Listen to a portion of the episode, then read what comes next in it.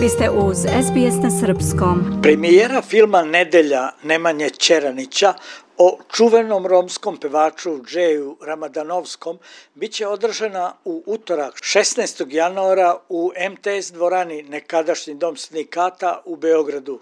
Najavila je autorska i glumačka ekipa u susretu sa medijima.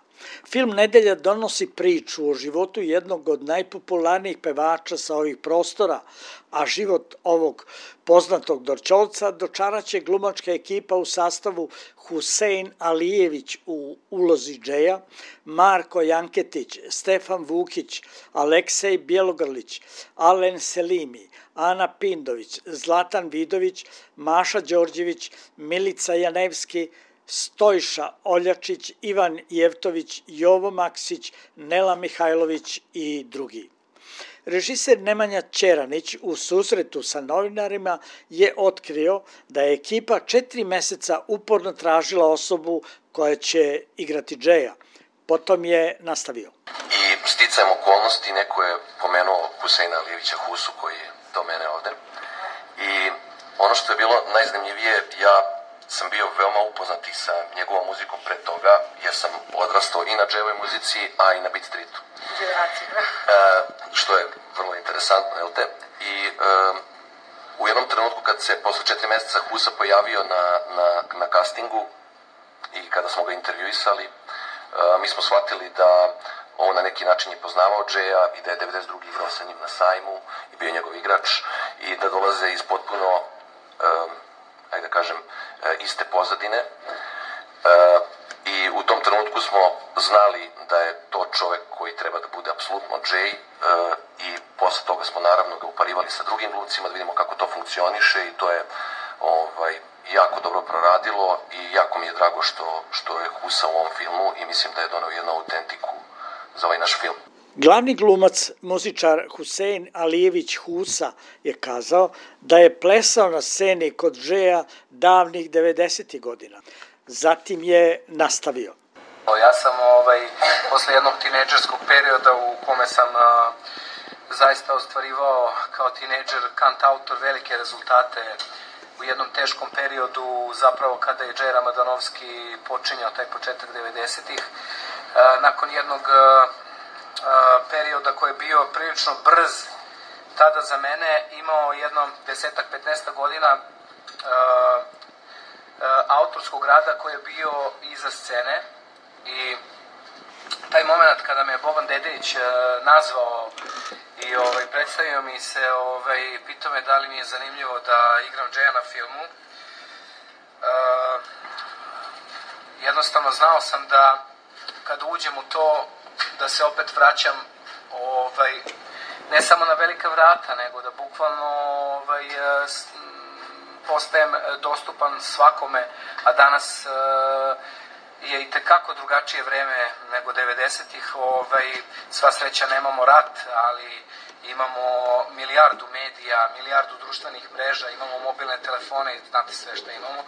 Tako da sam ovaj, bio spreman da me sačeka sve ovo što, što će se dešavati, što se već dešava, ali sam osetio jedan veliki e, prvo dug prema Džeju Ramadanovskom koji me sa nepunih 17 godina stavio pored sebe u momentu kada je bio najveća zvezda u zemlji pre 30.000 ljudi e, da, da džuskamo sa njim i kasnije i kasnije, mislim, ceo život sam ga viđao jednostavno čovjek me je zadužio, imao sam potrebu prema njemu da, da, da odgovorim ovom pozivu svim svojim bićem.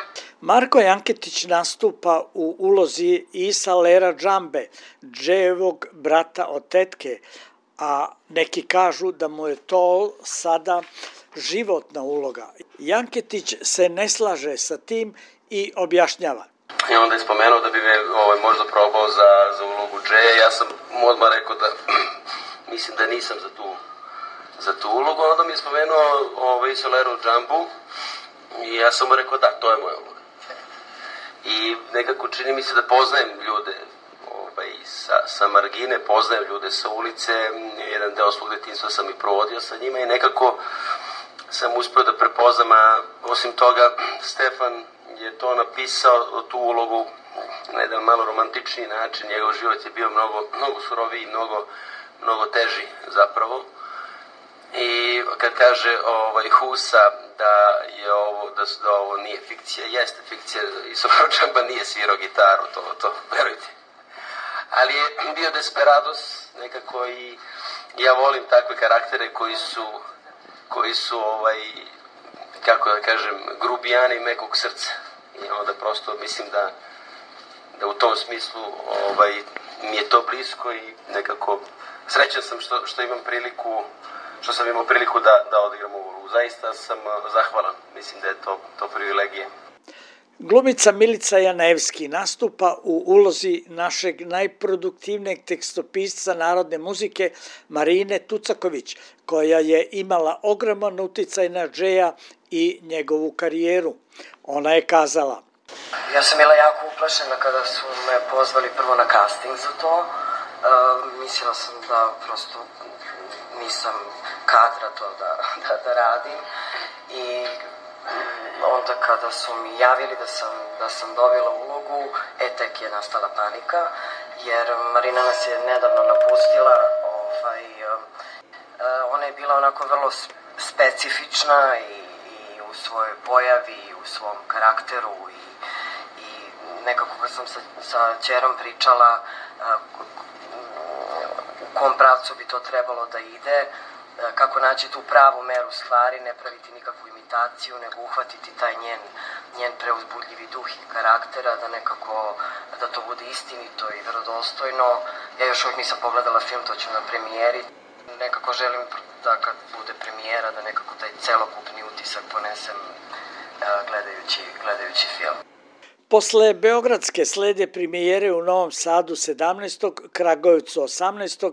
i Nišu 19. januara i dalje po regionu i inostranstvu, Banja Luka, Zagreb, Ljubljana, Beč i tako dalje. A redovno bioskopsko prikazivanje širom Srbije kreće od 18. januara. Iz Beograda za SBS Hranislav Nikolić.